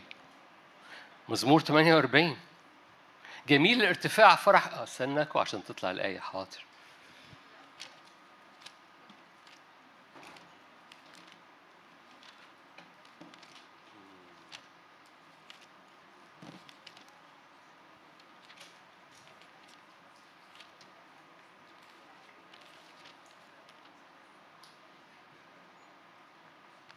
okay بلاش مزمور 48 عشان مزمور مزمور 87 عمال بقول لكم عليه. مزمور 87 أنتوا كويسين؟ okay مزمور 87 أذكر رهب وبابل عارفتي. هوذا فلسطين وصور مع كوش عشان أشرح لك رهب ده مصر. okay مصر وبابل. والرب يوصفهم إيه؟ عارفتي. عارفين الرب. okay كمل معايا. هذا ولد هناك. ولد فين؟ أساسه في الجبال المقدسة. آية واحد. الرب أحب أبواب صهيون أكثر من جميع مساكن يعقوب. قد قيل بك أمجاد يا إيه؟ يا مدينة الله. يعني دول اتولدوا في مصر وفي بابل وفي فلسطين وفي كوش. برغم كده يقول لك هذا ولد في مدينة الرب. ولصهيون يقال هذا الإنسان وهذا الإنسان ولد فيها وهي العلي يثبتها. الرب يعد في كتابة الشعوب في كتابة الشعوب في الأنسال خلي بالكم الأنسال ده حاجة مهمة جدا عند الرب النسل بتاعك. تقول أنا مولود في مصر أنا مولود في العراق. يقول لك آه بس أنت مولود في مدينة. هذه المدينة هي العبادة اللي خارجة منك اللي بتملى الهيكل بتاعك وبتدخلك في حاجة اسمها مدينة الرب. هرجع لها في مزمور 87 عمال بقول لكم عليه ده هرجع لها بس أنا حبيت أشاور على الآية دي. فبرغم إن هم مولودين في عبودية مصر ومولودين في سبي بابل هم مولودين في المدينة اللي بتخليهم أقوياء. okay. الرب يعد في كتابة الشعوب أن هذا ولد هناك. آية ستة. بقول لك سلاه تأمل. أنا حريص إنك تبقى مستوعب. برغم إنك مولود في العبودية لو أدركت إن عبادتك بتعمل هيكل فيك وإن هذا الهيكل مش لوحده هذا الهيكل بيتحط في مدينة الرب القوية بتتنقل من ولادة العبودية لمدينة الرب العلي اللي هنبص عليها حالا. بمعنى مدينة الرب العلي بمعنى هو حاضر فيها هو مليان فيها قوة هو مليان حماية هو مليان اختراقة لأنك مش لوحدك أنت في اختبار جماعي اسمه مدينة مدينة الرب أمة في وسط الأمم.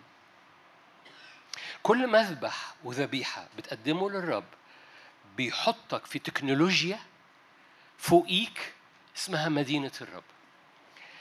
أنا جبت مزمور 87 الأول بس عشان أنا وهختم خلاص بمزمور 48 جبت مزمور 87 عشان بس شوف المعنى الإلهي ده.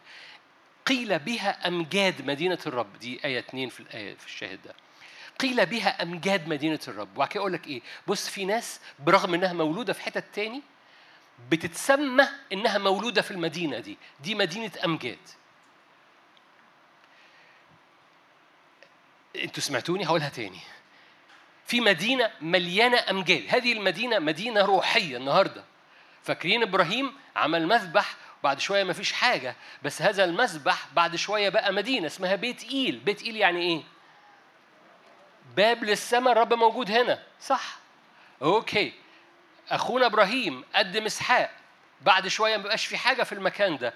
جه أرنان عمل له بيدر في هذا المكان اشترى داوود وقدم ذبيحة. بعد شوية بقى هيكل هيكل سليمان وهيكل سليمان حواليه مدينة. هذه المدينة اللي اسمها مدينة الله العلي هنروح لها حالا. فالمذبح والذبيحة دول اللي هم كأنهم عشوائيين هم مش عشوائيين هم بيعملوا حاجة روحية في السماويات بتعمل مدينة. وفي العهد الجديد هذه المدينة مدينة مدينة الرب قد أتيتم إلى مدينة الله السماوية إلى مدينة قوية.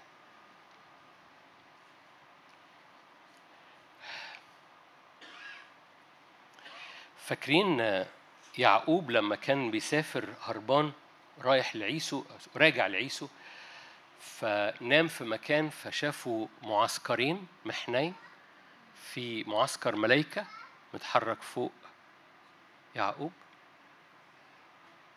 أنتوا النور سيح الدماغ؟ الحرارة سيحت الدماغ مش كده؟ okay. في حاجة روحية بتتراكم فوقيك. في حاجة بتتبني فوقيك وانت بتعمل كونتراتوز مع الرب في حاجة عمالة بتتبني فوقيك أبدية. في منطقة في المدينة بتاعة الرب. بس اللي انت بتبنيه ده من خلال عبادتك المنطقة دي بتسمى ليها علاقة بيك وليها علاقة بعشيرتك وليها علاقة باسمك وليها علاقة بخدمتك. كل ذبيحة بتقدمها بتراكم بنى روحي بيحصل في مدينة الرب. تقول لي ده تعبير انت جبته من فين؟ أقول لك من العهد الجديد من العهد القديم نحمية. كل واحد كان بيبني في سور المدينة وبيبني في المدينة. ده لغة أرضية لحاجة روحية. كل إيمان بتزرعه بيبني فوقيك في الروح في المدينة.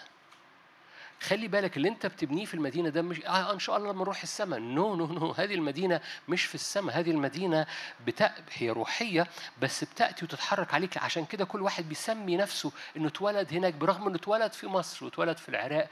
لكن هذه المدينة مدينة أمجاد. روح بقى معايا مزمور 87 اللي أنا عايز أروح له عشان نختم. مزمور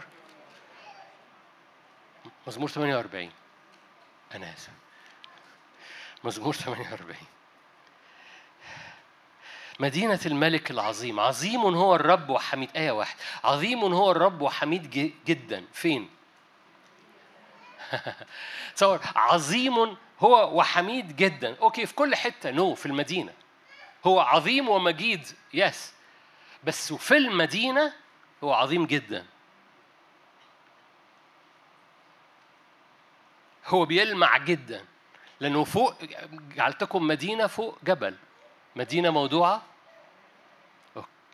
okay. في مدينة الرب إلهنا في جبل قدسه الرب يبقى عظيم وحميد جدا في هذا المكان. كمل الآية اللي وراها بينتهي في هذه الآية اللي وراها يقول لك في فرح أقاصي الشمال مدينة الملك العظيم. دي المدينة اللي بتطلع ملوك. لما تقرأ كده في أرمية 17 يقول لك أرمية 17 لو أنت قدمت ذبيحة للرب لو حفظت السبت لو حفظت السبت لو حفظت وقتك مع الرب وما دخلتش فيه حمل بيتبني حواليك مدينة كل سكانها ملوك ورؤساء.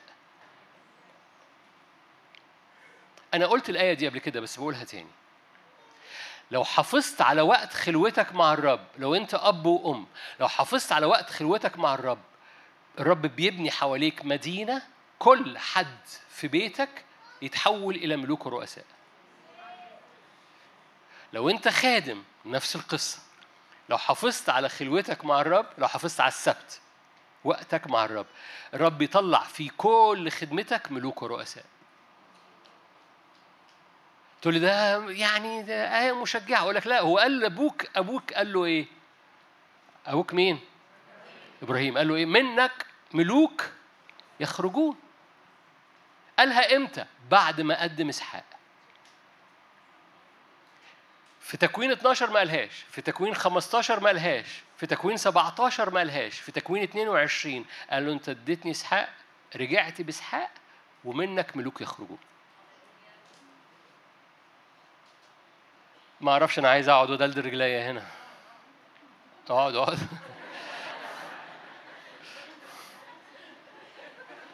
عايزين يزحلقوني. ما ينفعش اقعد هنا.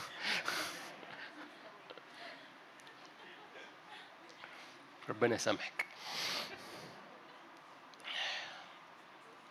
كملوا معايا. الله في قصورها. يعرف ملجأ. هو ده هو ده دي المدينة. أحد مزايا هذه المدينة عشان نختم. آية بحبها آية 8 كما سمعنا هكذا رأينا. فين؟ يعني في المدينة كل الوعود مش بتسمع عنها لكن بتشوفها. ما أعرفش الآية دي بتحبوها ولا لأ بس أنا برددها كتير يمكن بعضكم حافظها لأني برددها كتير بس الآية دي تطير الدماغ. كم مرة سمعت وعود وما شفتهاش. في المدينة اللي انت سمعته تشوفه. تسمعوا عن حاجة غريبة قوي اسمها فرح؟ حاجة عجيبة جدا اسمها حرية نهر سواقيته فرح. نهر سواقيته فرح إيه, إيه؟ المدينة؟ نهر سواقيته فرح مدينة الرب العلي هللويا. في أشعية 33 يقول لك أنهار أنهار روح القدس دي واسعة الشواطئ. يعني يا تتنفس كده بحرية ومليانة فرح. يا وعود جميلة قوي. كما سمعنا مش بقى تسمع وعود تشوف الوعود بتحصل. فين؟ في المدينة.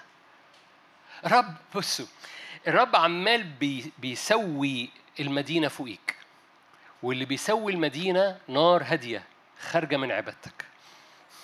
كل ما بتقدم عبادة كل ما بتقدم مذبح وذبيحة كل ما المدينة اللي فوقيك عمالة بتستوي. لغاية لما تستعلن هذه المدينة في أولاد الرب فيستعلن مجد الله في أولاد الله. وهو ده أحد عناوين الزمن ده. أول ما بتستعلن المدينة فوقيك بتستعلن عليك. فالمدينة جاية بس المدينة موجودة. قد أتيتم إلى مدينة الله. أتيتم. كل ما المدينة دي بتستعلن فوقيك بتستعلن عليك. أينما ذهبت. وبيروها. ده اللي خلينا أقول محنيم. معسكر فوق يعقوب ومعسكر يعقوب تحت. يعقوب ومراتاته وعياله بقوا معسكر. بس في معسكر متحرك فوقه في متحرك فوقيه في محنيم. في معسكرين. في حاجة عمالة بتشتغل فوقيك وأنت بتتحرك تحت. واللي عمال بيستوي فوقيك ده عمال بيستعلن فيه مجد الرب لغاية لما يستعلن عليك مجد الرب. أمين. خلونا نصلي مع بعض.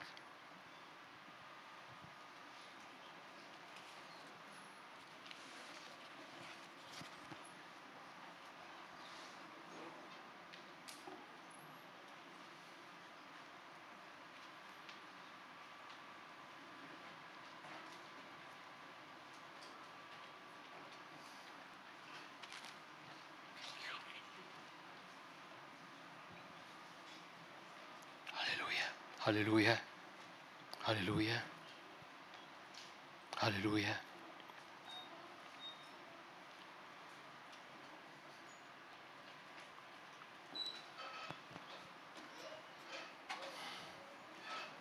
هللويا. أذكرك مذبح وذبيحة كونتراتو. ما بينك وبين الرب خارج من قلبك. خارج من قلبك في هذه اللحظات. خارج من قلبك في هذه اللحظات. فارفع قلبك معايا. كل حياة ليك. كل المجد ليك. انت الأول في الحياة. في هذه اللحظات مجرد قول له كده انت الأول. على كل صنم على كل حزن على كل خوف على كل ألم أنا بقدمه لك. أنت الأول. في الحياة. على كل انشغالات على كل اهتمامات على كل ضعفات أنت الأول. على كل طلبات مهمة جدا في حياتي. على كل لستة قائمة حاجات عاملة تحدي جوايا. أنا بقول قبل كل الحاجات دي أنت الأول.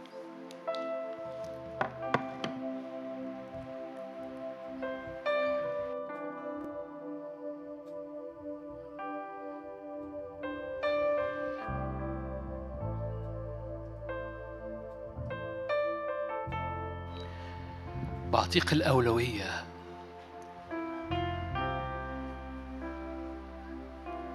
بضعك أول كل شيء. كل ما أفعله من أكل وشرب أبسط حاجات. كل ما أفعله بقول أو فعل. كل ما أفعله من شغل من أيام. بعمله لمجدك بعمله لاسمك. بقول أنت الأول. هللويا. أنت الأول في شبابي. أنت الأول في أفكاري أنت الأول في أيامي. أنا بقدم لك أنا بمضي طرف أول في الكونتراتو. بمضي طرف أول. أنت هويتي. أنت بتقول أنا مين. أنت بتعرف حياتي. أنت الألف والياء. أنت الكل ملء الذي يملأ الكل.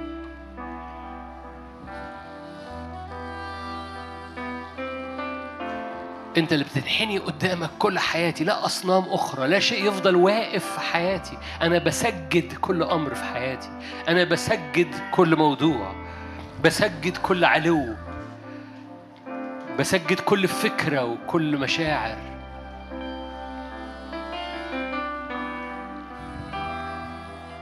لتسجد كل أموري أمام اسمك أمام وجهك.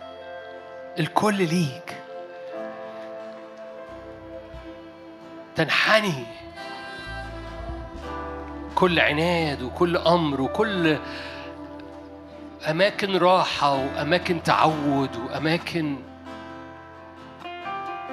في يومي. بحنيها لاسمك وبحنيها لمجدك.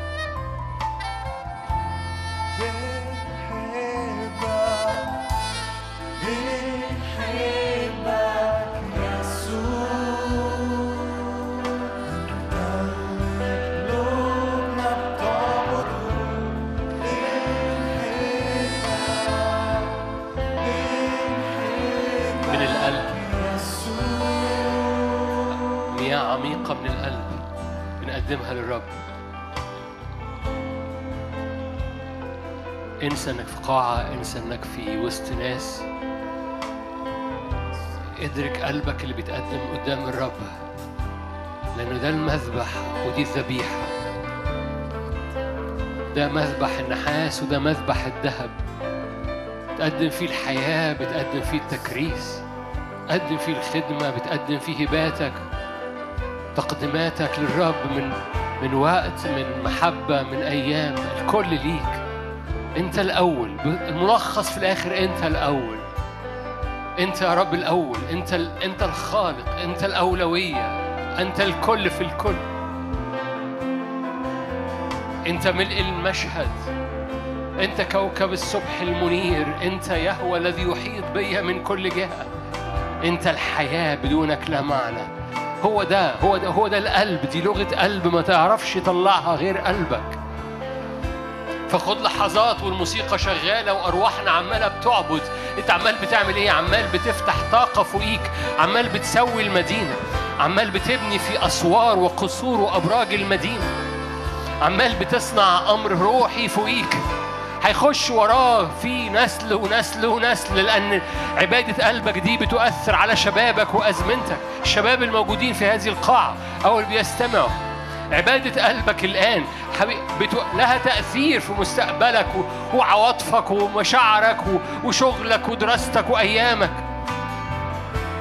رحب وحرية. هللويا. اتساع واستخدام. لا إعياء ولا ولا دين بلاستيك. لا تدين بلاستيك. حرية نار وحرية مجد وحرية نهضة وحرية حضور. تملى الهيكل لأن المدينة بتاعتك مدينة قوية. المدينة بتاعتك لا يعتسف فيها الأعرج العرج فيها بينهبوا نهب لا يقول ساكن فيها أنا مرضت الشفاء طبيعي فيها. هكذا هكذا نرى في مدينة الرب. كما سمعنا هكذا رأينا. باسم الرب يسوع. فقدم قلبك قدمي قلبك اللحظات دي. مجرد قدم قلبك. يا ابني اديني قلبك. هللويا. هللويا هللويا. رب لا يرزل ابدا قلب جاي في يسوع المسيح. قلبك اللي جاي في يسوع المسيح ابدا رب لا يرزله. فيهوى شمى المدينة اسمها يهوى شمى يعني الرب هنا. رب يرى أرضك رب يرى قلبك. يرى في قلبك ويرى قلبك. ويرى عبادتك ويرى تكريسك ويرى أسحاقك. يرى أسحاقك. يقول لك منك يخرج ملوك.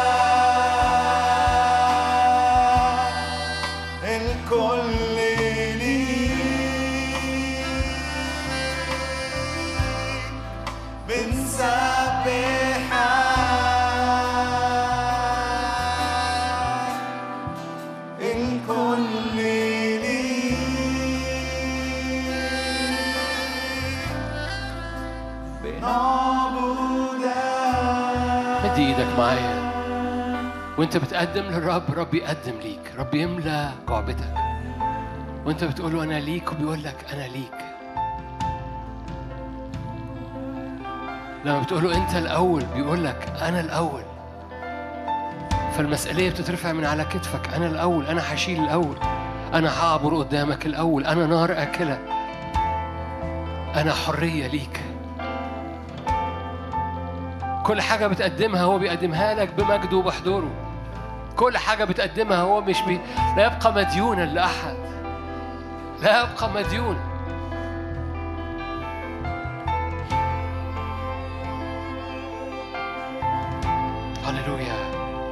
إلهنا نار أكلة عابر قدامك.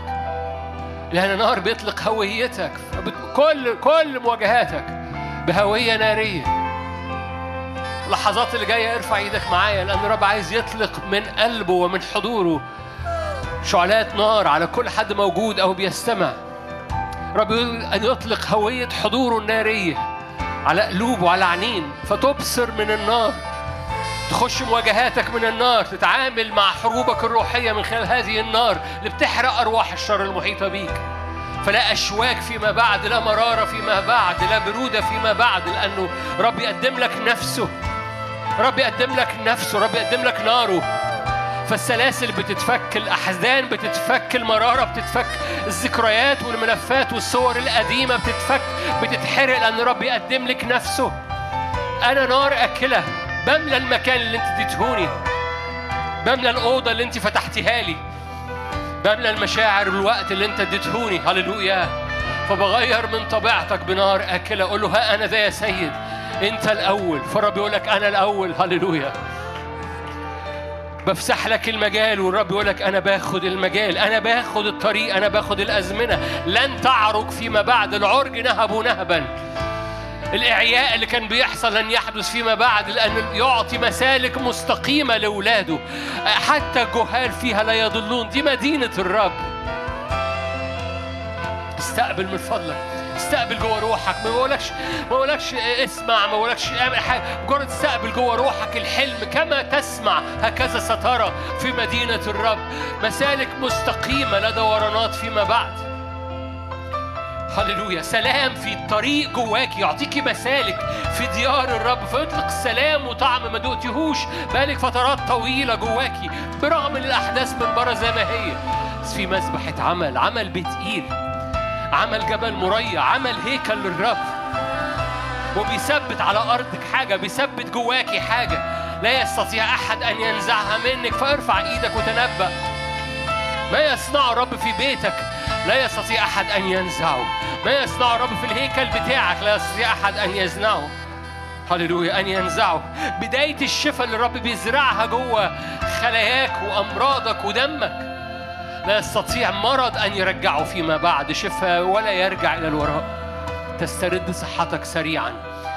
باسم الرب يسوع باسم الرب يسوع باسم الرب يسوع. في مدينة الرب أسماء الرب بتستعلن فالرب يرى في المدينة. الرب يقدس المدينة الرب يشفي المدينة. الرب حاضر في المدينة. هو يهوى شم الرب العلي في المدينة. هللويا باسم الرب يسوع. حضرتك مش لوحدك حضرتك مش لوحدك. انت في شعب وفي أمة مواطنين في مدينة وهذه المدينة مدينة قوية وهذه الأمة في وسط أمم كثيرة. هللويا. وهذه الأمة. هذه الأمة ملح في الأرض هذه الأمة نور في العالم. حضرتك مش لوحدك. ارفع إيدك معايا. أنا رافع ايدي. الملك بيملى المدينة بتاعته. حضرتك مش لوحدك. هذه المدينة قديمة هو اسمه قديم الأيام. بيعبر فيها ملوك ورؤساء قدام وجداد. لأن جعلنا ملوكا وكهنة. أنت من نسل ملوكي من نسل كهنوتي بادي من أيام إبراهيم. فأنت مش أنت مش لوحدك. محتاج ترى ده محتاج ترى ده محتاج ترى تشوفه. شوفه في الروح. لو رحت بيت إيل قبل ما تتبني بيت إيل كنت هتلاقي حجارة. آه بس في حاجة في الروح محتاج تشوفها لأن إبراهيم بنى مسبح في بيت إيل قبل ما يبقى اسمها بيت إيل لو طلعت جبل المريا قبل سليمان مش هتلاقي ولا حاجة. بس محتاج تشوف في الروح إن في هيكل موجود قبل ما يتبني الهيكل. في حاجة في الروح بتتبني لأن إبراهيم قدم إسحاق هناك. هللويا. في أمة أنت مش لوحدك في مدينة أنت مش لوحدك. والملك بيعبر في هذه المدينة المدينة دي مليانة ملوك ورؤساء.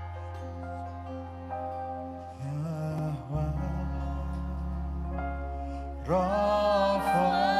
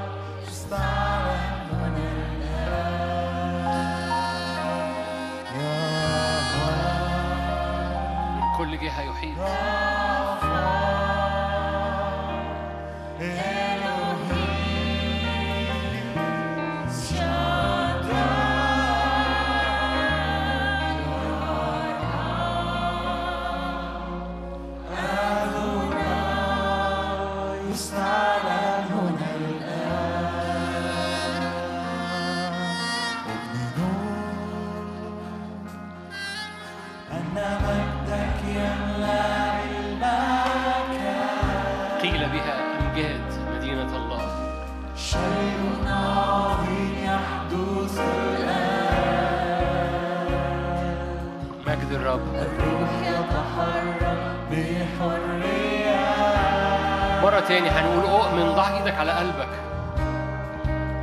مجد الرب يملى النفس.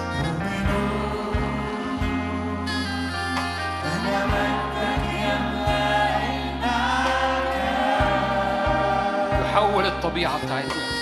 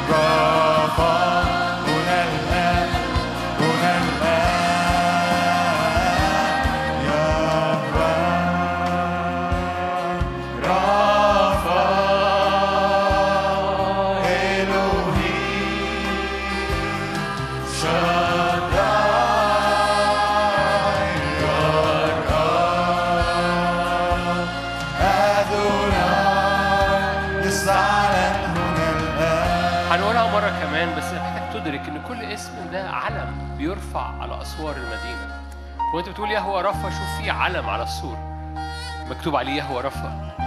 تقول شداي. بتقول يرأى كل مرة بتعلن اسم من أسماء ده في علم بيترفع وكل علم هو قوة هو إعلان حضور هو بيملأ المكان. فكل أدوناي كل شداي كل مقدسكم كل الإليون الرب العلي فأسوار هذه المدينة مليانة أعلام وكل علم بيعلن قوة هذه المدينة. فهنقولها مرة كمان بس محتاج تشوفها مش ترنيمة. هو هو حياة حركة روحية مجسم روحي بيحصل على حياتك بيتبني من خلال عبادتك وبيفتح بوابة على أرضك باسم الرب يسوع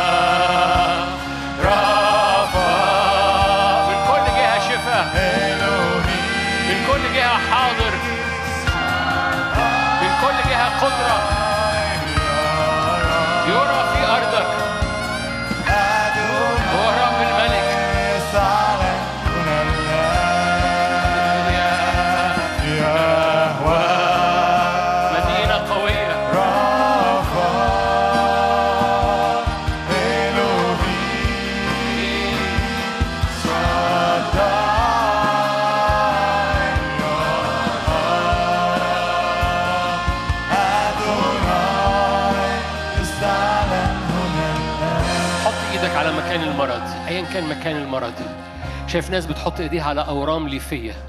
شايف ناس بتحط إيديها على أورام لسه الدكاترة بيقولوا هناخد عينة عشان نشوف دي إيه نوعها إيه. شايف ناس بتضع إيديها على على ركبها أو على الأنكل بتاعها. مش شرط في القاعة هنا في البيوت. شايف ناس بتضع إيديها على مكان المرض. وبترفع الراية بترفع العلم باسم الرب يسوع. شايف ناس بتحط إيديها على أحشائها. فتبرأ مياه الحياة. تبرأ مياه الحياة المية المرة الحياة المرة الحياة اللي مليانة اللي غاب عنها الطعم اللي غاب عنها الطعم.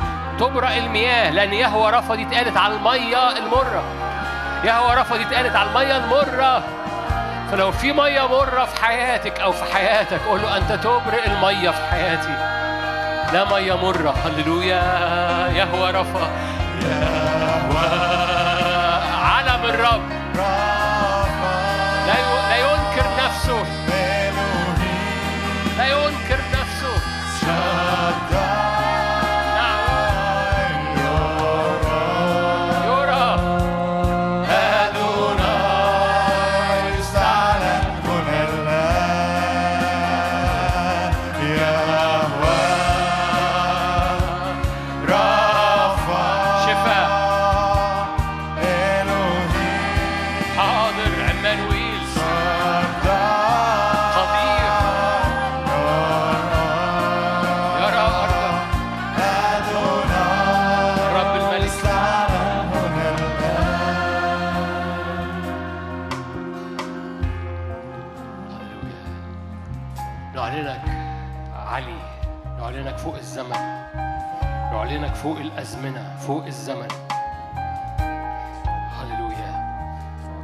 صلوة مع بعض نعمل فيها شغل.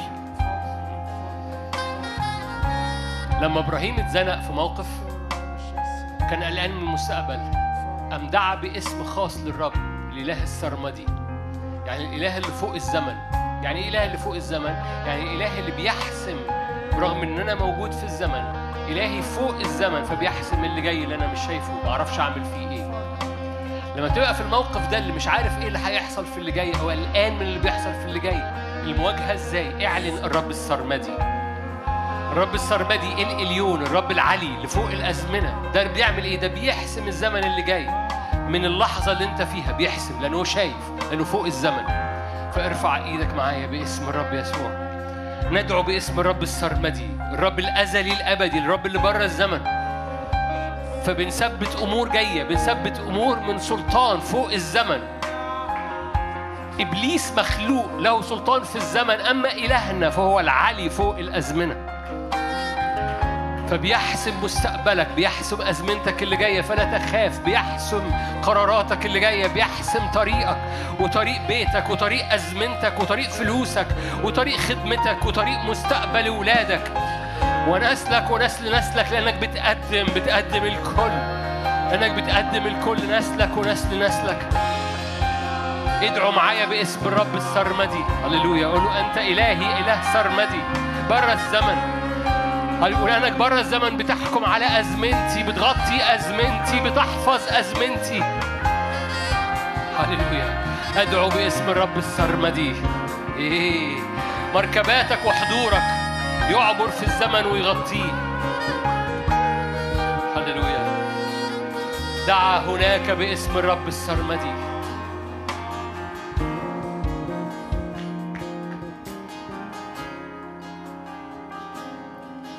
ملك الملوك رب الأرباب ليس مثلك. أنت إلى اليوم مرتفع. ما أنجد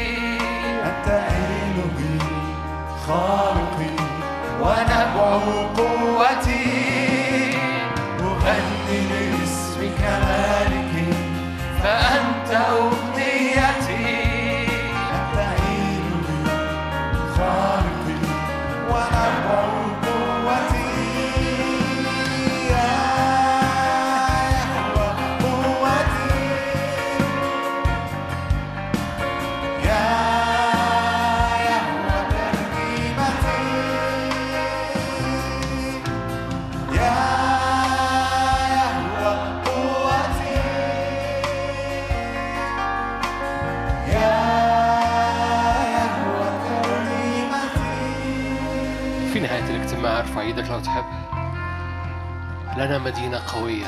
خلاص فيها أسوار ومترسة في نهر سواقيته فرح هذه المدينة. يا رب غطاء المدينة يغطي كل بيت ويغطي كل أسرة يغطي كل خدمات وكل بلاد. غطاء المدينة اللي مليانة مجد. اللي مولودين في مصر والمولودين في بابل.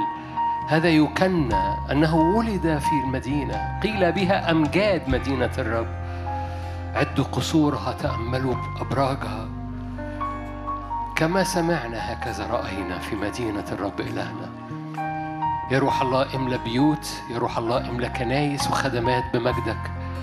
يا روح الله املى مذابحنا بحضورك وبمجدك. يا روح الله املى الخدام بمسحة إرسالية قوية. مسحة إرسالية قوية. لمجدك ولبهاء حضورك يا رب تفيض في اسم الرب يسوع. مجد الرب يغطي وجه الأرض كما تغطي المياه البحر. رفع إيدي من أجل بلاد كثيرة. ارفع إيدك معايا. في ناس موجودة النهاردة مسافرة بلاد تانية فارفع إيدك حتى لو أنت مش عارفهم. حركة مجدك حركة ملكوتك تغطي كل حركة لبلاد بعيدة وقريبة بلاد في منطقتنا وبلاد أبعد باسم الرب يسوع. غطي بحضورك وغطي بمجدك. إرسالية كل شخص إرسالية كل خادم وخادمة. غطي بحضورك وبمجدك كل بلاد بتتابع بإرسالية حبك وبإرسالية حضورك باسم يسوع. محبة الله الآب نعمة ربنا يسوع المسيح شركة وعطية الروح القدس تكون معكم تدوم فيكم من الآن وإلى الأبد. آمين. ربنا معاكم ملء البركة.